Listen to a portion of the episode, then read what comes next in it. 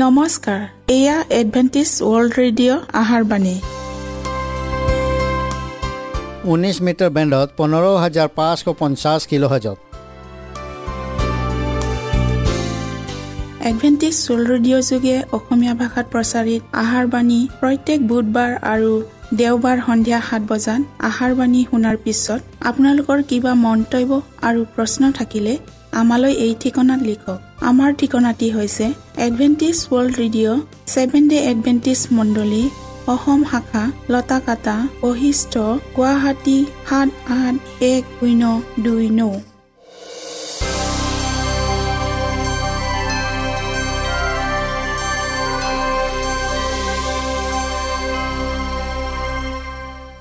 প্ৰিয় শ্ৰোতা বন্ধুসকল এতিয়া শুনো আহক এটি খ্ৰীষ্টীয় ধৰ্মীয় গীত।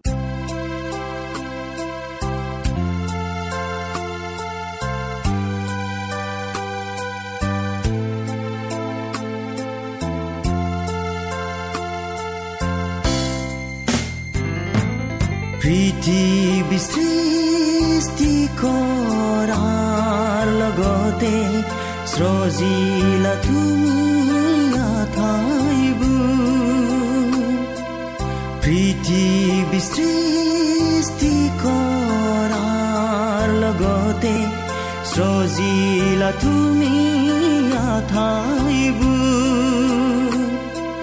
জীৱ জন্তু আৰু লগতে মান জীৱ জন্তু আৰু লগতে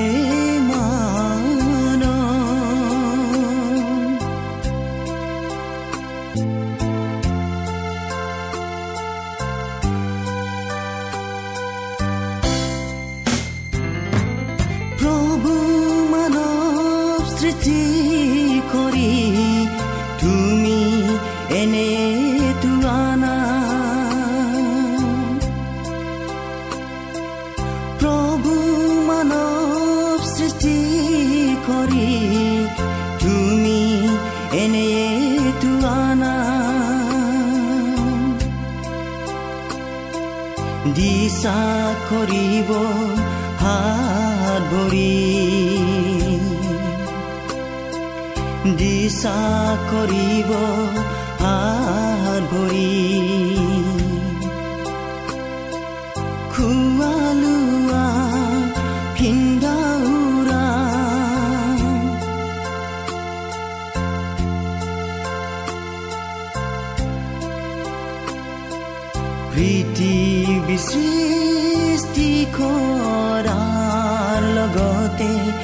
সজিলা তুমি ঠাইবোৰ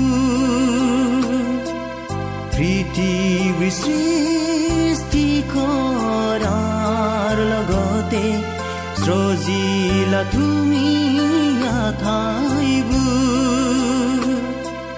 জীৱ জন্তু আৰু লগতে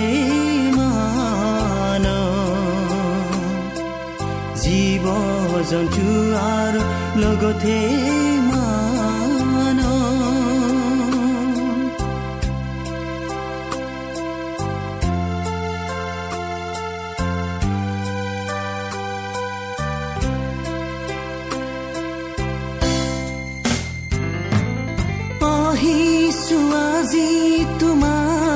চৰণত তুমি দিয়া সকলো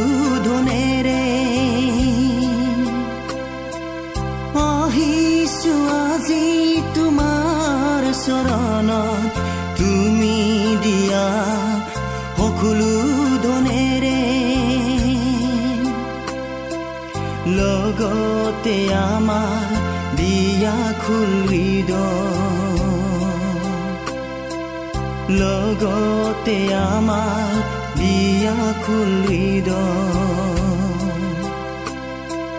লোৱা তুমি আজি আমাৰ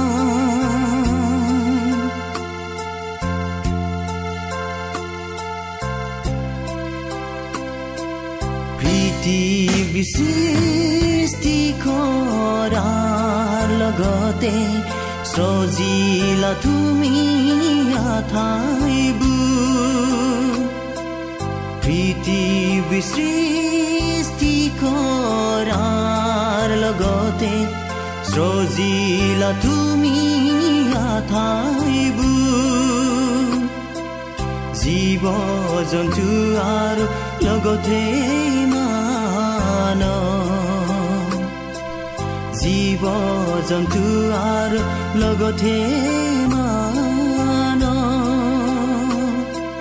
পৃথিৱী সৃষ্টি কৰাৰ লগতে সজিলা তুমি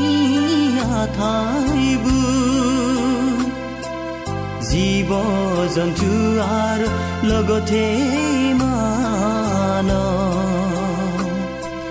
জীৱ জন্তু আৰু লগতে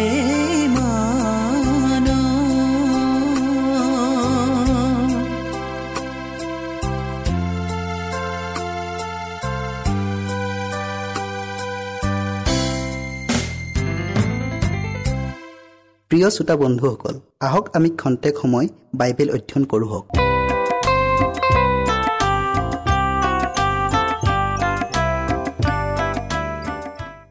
প্ৰিয় শ্ৰোতাসকল আজি আমি যোৱা অনুষ্ঠানৰ দুষ্ট আত্মাৰ অনুচৰবৰ্গ ইয়াৰ শেষ অংশটো অধ্যয়ন কৰোঁ হওক। অধ্যয়ন কৰাৰ আগতে আমি প্ৰাৰ্থনা কৰোঁ হওক। স্বৰ্গত থকা প্ৰেমময় ঈশ্বৰজী হোৱা তোমাক আকৌ ধন্যবাদ দিছোঁ প্ৰভু এই সুন্দৰ সময়ৰ নিমিত্তে। প্ৰভু তুমি বিষয়টিৰ অধ্যয়ন শেষ নোহোৱালৈকে আমাৰ সংগে সংগে থাকি আশীৰ্বাদ দান কৰা। আৰু পবিত্ৰ আত্মাৰে প্ৰত্যেক শ্ৰোতাৰ হৃদয় স্পৰ্শ কৰি দিয়া যীশুৰ নামত খুজিলোঁ। আমেন। ছয়তানৰ সংখ্যা শক্তি আৰু অপকাৰিতা কিমান আছিল আৰু সেইদৰে কৃষ্টৰ শক্তি আৰু কৰোণাও কিমান আছিল তাৰ এটা উল্লেখনীয় উদাহৰণ গেৰাচেনিয়াবিলাকৰ দেশত ভূতে পোৱা এজন মানুহক সুস্থ কৰা ঘটনাৰ বিষয়ে বাইবেলত বৰ্ণনা দিয়া হৈছে। সেই দুৰ্ভগীয়া মানুহজনক একোৰে বান্ধি ৰাখিব পৰা নাছিল। শিকলি বেৰি সকলোবোৰক বাৰে বাৰে ছিঙি পেলাইছিল। সি নিজকে শিলেৰে কাটি ক্ষত বিক্ষত কৰি লৈছিল। তাৰ চিঞৰত আকাশ পাতাল ফাটি গৈছিল। তাৰ ভয়ংকৰ ৰূপ দেখি তাৰ ওচৰলৈ কোনো মানুহ যাবলৈ সাহস কৰা নাছিল। তাৰ ক্ষত বিক্ষত শৰীৰটোৰ পৰা ওলোৱা তেজ আৰু তাৰ কদৰ্শ ৰূপটোৱে বোধ কৰোঁ অন্ধকাৰৰ অধিপতিজনক আনন্দ দান কৰিছিল। মানুহজনক নিয়ন্ত্ৰণ কৰি ৰখা এটা ভূতে এই বুলি ঘোষণা কৰিছিল। মোৰ নাম বাহিনী কিয়নো আমি অনেক আছোঁ মাৰ্ক পাঁচ অধ্যায়ৰ নৌপদত ৰমিঅ' সৈন্যৰ এটা বাহিনীৰ অধীনত তিনি হাজাৰৰ পৰা পাঁচ হাজাৰৰ মানুহ আছিল। ছয়তানৰ বাহিনীটো দলে দলে লগ হৈ ঘূৰি ফুৰিছিল আৰু উল্লেখ কৰা এটা দলত তিনি হাজাৰতকৈ কম ভূত নাছিল। শ্ৰোতাসকল যীশুৰ আদেশত সেই দুষ্ট আত্মাবিলাক সিহঁতৰ চিকাৰ হোৱা মানুহৰ পৰা ওলাই গৈছিল আৰু ভূতে পোৱা মানুহবিলাকক শান্ত আৰু স্বাভাৱিক অৱস্থাত যীশুৰ চৰণত পৰি ৰৈছিল। কিন্তু এই ভূতবিলাক সাগৰৰ দাঁতিত চৰি থকা এজাক গাহৰিৰ দেশত সোমাবলৈ অনুমতি পায়। তাত সোমাই গাহৰিৰ আটাই জাককে সাগৰৰ পেলাই মাৰি পেলাইছিল। আৰু গেৰাচেনীয়াবিলাকে যীশুৱে প্ৰদান কৰা আশীৰ্বাদকৈ গাহৰি মৰি যি লোকচান হ'ল তাৰ প্ৰতিহে অধিক গুৰুত্ব দিছিল আৰু ঐশ্বৰিক আৰোগ্যকাৰীজনাক তাৰ পৰা প্ৰস্থান কৰিবলৈ বাধ্য কৰিছিল। ছয়তানে এনেধৰণৰ ফলাফলবোৰকে পাবলৈ কামনা কৰে। মানুহৰ সকলো ধৰণৰ লোকচানৰ দায় যীশুৰ ওপৰত জাপি দিয়াৰ দ্বাৰাই সি মানুহৰ মনত জাগতিকভাৱে সকলো দিশতে লোকচান ভৰাৰ এটা ভয় জন্ম দিয়ে আৰু তেওঁৰ বাক্য শুনাৰ পৰা তেওঁবিলাকক বিৰত কৰে। লোকচান দুৰ্ভাগ্য আৰু দুখ কষ্টৰ বাবে প্ৰকৃততে যিবিলাকে দায়ী সেইবিলাকক ভধৰ্ণা নকৰাকৈ ছয়তানে সদায় ইয়াৰ বাবে খ্ৰীষ্টানবিলাককহে দায়ী কৰি আহিছে। আৰু ইয়াৰ বাবে একমাত্ৰ অপৰাধীজন যে স্বয়ং নিজে আৰু তাৰ সংগীসকল তাক লুকুৱাই ৰাখিছে। কিন্তু খ্ৰীষ্টৰ যি উদ্দেশ্য সি নিশকতীয়া নাছিল। যিবিলাক যীশুদীয়া আৰ্থিক লাভালাভৰ বাবে এই অসুচী গাহৰিবোৰক পুহিছিল তেওঁবিলাকক তিৰস্কাৰ কৰাত অৰ্থেই তেওঁ সেই গাহৰিৰ জাকটোক নষ্ট কৰিবলৈ অসুচী আত্মাবোৰক অনুমতি দিছিল।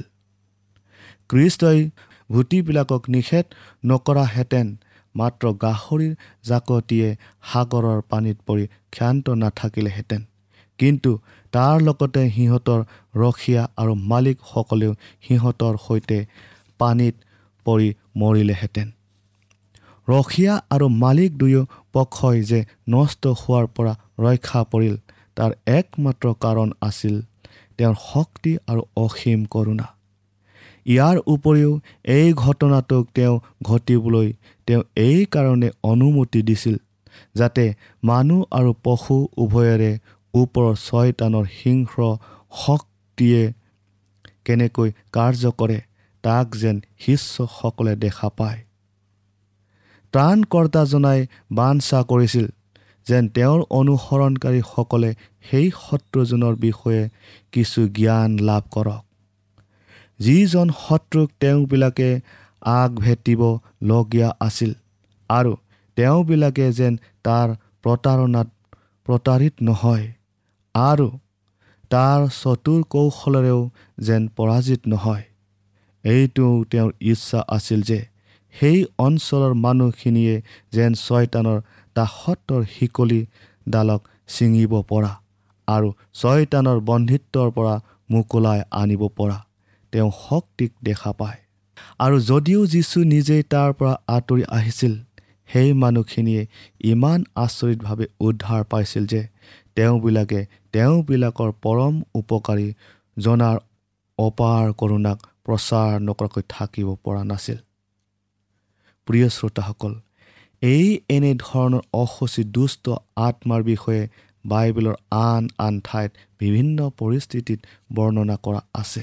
সেই চুৰপেইনিকীয়া তিৰোতাজনীৰ জীয়েকজনীক বৰ বেয়াকৈ অসুচী আত্মা লম্ভিছিল। যাক যীশুৱে তেওঁৰ বাক্যৰ দ্বাৰাই খেদি পঠিয়াইছিল। মাৰ্ক সাত অধ্যায় ছাব্বিছৰ পৰা ত্ৰিছ ফুটলৈকে আপোনালোকে চালে পাব। আন এজনক ভূতে লম্ভি তাক অন্ধ আৰু বোবা কৰি পেলাইছিল। মঠি বাৰ অধ্যায়ৰ বাইছ পদত আপোনালোকে চাওক। আন এজন যুৱক যাক এটা বাবা আত্মাই লম্ভিছিল আৰু সি ল'ৰাটোক বাৰে বাৰে জুই আৰু পানীত পেলাই নষ্ট কৰিব বিচাৰিছিল। মাৰ্ক নৌ অধ্যায়ৰ সোতৰ পৰা সাতাইছ ফুটলৈকে আপোনালোকে চাওক। সেই উন্মত্ত মানুহজন যিজনক এটা অসুচী ভূতে লম্ভিছিল যিজনে কপৰ নাহোমৰ নামঘৰত বিশ্ৰামবাৰ পালন কৰাত ব্যাঘাত জন্মাইছিল। লোক চাৰি অধ্যায় তেত্ৰিছৰ পৰা ছয়ত্ৰিছ পদলৈকে আপোনালোকে চাওক। সেই ভূত লম্ভা সকলোকে পৰম দয়ালু ত্ৰাণকৰ্তাজনাৰ দ্বাৰাই আৰোগ্য কৰা হৈছিল। প্ৰতিটো পৰিস্থিতিতে খ্ৰীষ্টই অতি বুদ্ধিদীপ্ততাৰে ভূতবোৰক কথা কৈছিল। সি লম্ভাজনৰ পৰা ওলাই আহিবলৈ আৰু তাক দুনাই অনিষ্ট নকৰিবলৈ আদেশ দিছিল। কপৰনাসমত উপাসনা কৰা উপাসনাকাৰীসকলে তেওঁৰ পৰাক্ৰমী শক্তিক পৰম আগ্ৰহেৰে চাই আছিল আৰু আচৰিত হৈ এইদৰে অভিমত প্ৰকাশ কৰিছিল। এওঁ ক্ষমতা আৰু পৰাক্ৰমেৰে অসুচী আত্মাবোৰকো যে আজ্ঞা দিয়ে আৰু সিহঁত যে বাহিৰ ওলায় ইনো কি কথা? লোকচাৰী অধ্যায় ছয়ত্ৰিছ পদত। শ্ৰোতাসকল যিসকলক ভূতে লম্ভিছিল তেওঁবিলাকক স্বাভাৱিকতে এক অতি গভীৰ দুৰ্যোগময় অৱস্থাত থকা বুলি দেখুওৱা হৈছে। তথাপিও এই ক্ষেত্ৰত ব্যক্তিক্ৰম নথকা নহয় কাৰণ আলৌকিক শক্তি লাভ কৰিবলৈ কিছুমানে ছয়তানৰ প্ৰভাৱকো আদৰি লৈছিল। এইবিলাক অৱশ্যে ভূতবিলাকৰ সৈতে সংঘৰ্ষত লিপ্ত হোৱা নাছিল। এনেকুৱা শ্ৰেণীটোৱে অৱশ্যে মংগল চোৱা অৰ্থাৎ ভৱিষ্যত ক'ব পৰা আত্মাৰ অধিকাৰী আছিল। উদাহৰণ হিচাপে চিমন মাগুচ যাদুকৰ ইলাই মাছ আৰু সেই যাদুকৰণী গাভৰুগৰাকী যি ফিলিপিত পৌল আৰু চিলাছৰ পিছে পিছে ঘূৰি ফুৰিছিল। বাইবেলত ইমান স্পষ্ট আৰু পোনপটীয়া সাক্ষ্য দিয়া স্বত্তেও যিবিলাকে চৈতানৰ কাৰ্যৰ আৰু তাৰ দূতবিলাকৰ অস্তিত্বক অস্বীকাৰ কৰে। দুষ্ট আত্মা আৰু অসুচী আত্মাৰ প্ৰভাৱৰ ক্ষেত্ৰত তেনেবিলাক মানুহ বিপদত পৰাৰ সম্ভাৱনা অন্যতকৈ অধিক। যিমান দিনলৈ আমি সিহঁতৰ পৈশাচিক চৰিত্ৰক আওকাণ কৰিম সিমান দিনলৈকে সিহঁত অভাৱনীয়ভাৱে প্ৰাধান্যতা লাভ কৰি থাকিব। এনেকুৱা বহুতো লোক আছে যিসকলৰ নিজৰ জ্ঞান বিবেচনাৰে চলা যেন লাগে আৰু তেওঁবিলাকে নিজেও তেনেকৈয়ে ভাবে কিন্তু প্ৰকৃততে তেওঁবিলাকে সিহঁতৰ দিহা পৰামৰ্শৰ প্ৰতিহে মনোযোগ দিয়ে। সেইকাৰণে আমি শেষ দিনৰ ওচৰ চাপি অহাৰ লগে লগে যেতিয়া ছয়তানে মানুহক প্ৰতাৰণা আৰু নষ্ট কৰিবলৈ মহাশক্তিৰে কাম কৰিব সি সকলো ঠাইতে এনে এটা বিশ্বাস প্ৰচাৰ কৰিব যে পৃথিৱীত যেন তাৰ অস্তিত্বই নাই। নিজকে লুকুৱাই ৰাখি কাম কৰাটোৱে তাৰ কৰ্ম আঁচনি আৰু নীতি। শ্ৰোতাসকল আমি তাৰ চতুৰ কৌশলৰ লগত সুপৰিচিত হোৱা কাৰ্যটোতকৈ সেই মহা প্ৰতাৰকজনে আন কোনো কথাত বেছিকৈ ভয় নাখায়। নিজৰ প্ৰকৃত চৰিত্ৰটোক আৰু উদ্দেশ্যটোক উত্তমতাৰে লুকাই ৰাখিবলৈ সি নিজকে এনে ৰূপত সজাই লয় যাতে মানুহে তাৰ তুচ্ছ জ্ঞান কৰে। তাৰ প্ৰতি উত্তেজিত সক্ৰিয় নহয় তাক যেন ভ্ৰক্ষেপ নকৰে। সি নিজকে হাস্যকৰ অবাস্তৱ নাইবা অতিশয় লেতেৰা বস্তুত কৰূপা আধা জন্তু আৰু আধা মানুহৰ ৰূপত সজাই ভাল পায়। যিবিলাক মানুহে নিজকে বুদ্ধিমান আৰু সকলো কথা জনা বুলি ভাবি লয় তেনেবিলাক মানুহৰ মুখৰ পৰা খেলা ধূলাত আৰু হাঁহি তামাচা পেংলাই কৰা কাৰ্যত তাৰ নাম লোৱাটোক শুনিবলৈ সি ভাল পায়। অতি দক্ষতাৰে আৰু নিকুট কৌশলেৰে সি নিজকে লুকুৱাই ৰাখিব পৰাৰ কাৰণে য'তে ত'তে সকলো ঠাইতে এই প্ৰশ্নটোত উত্থাপন কৰা শুনা যায়। তেনেকুৱা ধৰণৰ ছয়তান এজন সঁচাকৈ আছেনে? অতি স্পষ্ট আৰু পোনপটীয়া বাইবেলৰ সাক্ষত সি মিছা তত্ত্ব মিহলি কৰি দিয়া নতুন তত্ত্বটোকে আজিৰ ধৰ্মীয় জগতখনে আনন্দৰে গ্ৰহণ কৰি লোৱা কাৰ্যটোৱে এইটোকে প্ৰমাণ কৰে যে সি নিজ কাৰ্যত কৃতকাৰ্য হৈছে। আৰু তাৰ সফলতাৰ কাৰণতো হৈছে ছয়তানে সেইবিলাক মানুহৰ মনক সহজে নিজৰ হাতত মুঠিত ৰাখিব পাৰে। যিবিলাক মানুহে তাৰ প্ৰভাৱৰ প্ৰতি সচেতন নহয়। তাৰ কাৰ্যৰ অপকাৰিতাৰ বিষয়ে ঈশ্বৰৰ বাক্যই অজস্ৰ উদাহৰণ দিয়া স্বত্তেও এনেবিলাক ব্যক্তি তাৰ প্ৰতি মন কাণ নিদিয়ে সচেতন নহয়। বাইবেলে তাৰ গুপ্ত শক্তিৰ বিষয়ে আমাক জনায় যাতে আমি তাৰ আক্ৰমণৰ পৰা নিজকে ৰক্ষা কৰিব পাৰোঁ। শ্ৰোতাসকল ছয়তান আৰু তাৰ পৰাক্ৰমী বাহিনীৰ শক্তি আৰু ইৰ্জাই আমাক সতৰ্ক কৰা নাইনে? যাতে আমি আমাৰ আশ্ৰয় আৰু মুক্তি তাতকৈ শক্তিশালী আমাৰ উদ্ধাৰকৰ্তাজনৰ চৰণত বিচাৰি পাব পাৰোঁ। আমি আমাৰ ঘৰখনৰ দৰ্জা খিৰিকীবোৰক কব্জা আৰু চিটকণি আৰু তলা চাবিৰে অতি সাৱধানেৰে বন্ধ কৰি দুষ্ট মানুহৰ পৰা আমাৰ টকা পইচা সা সম্পত্তি আৰু প্ৰাণ ৰক্ষা কৰোঁ।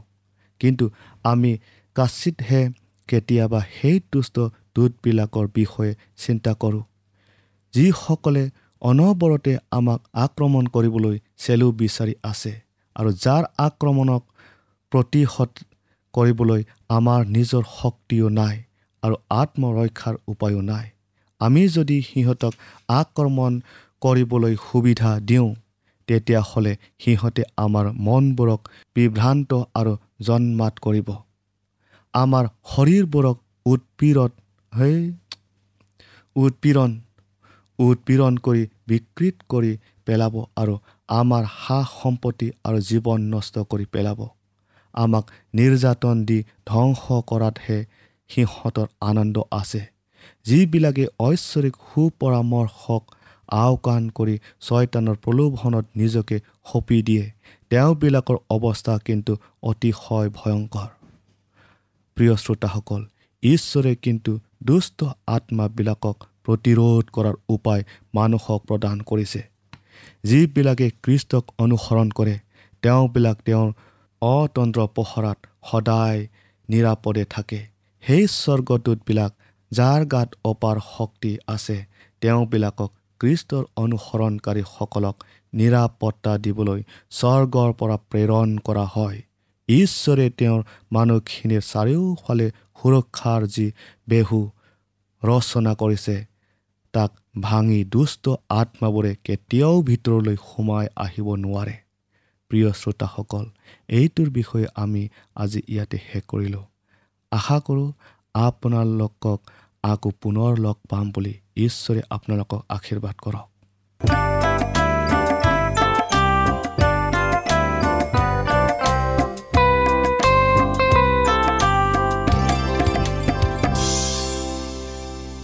ইমানপৰে আমি বাইবেল অধ্যয়ন কৰিলোঁ। এতিয়া আকৌ শুনো আহক এটি খ্ৰীষ্টীয় ধৰ্মীয় গীত।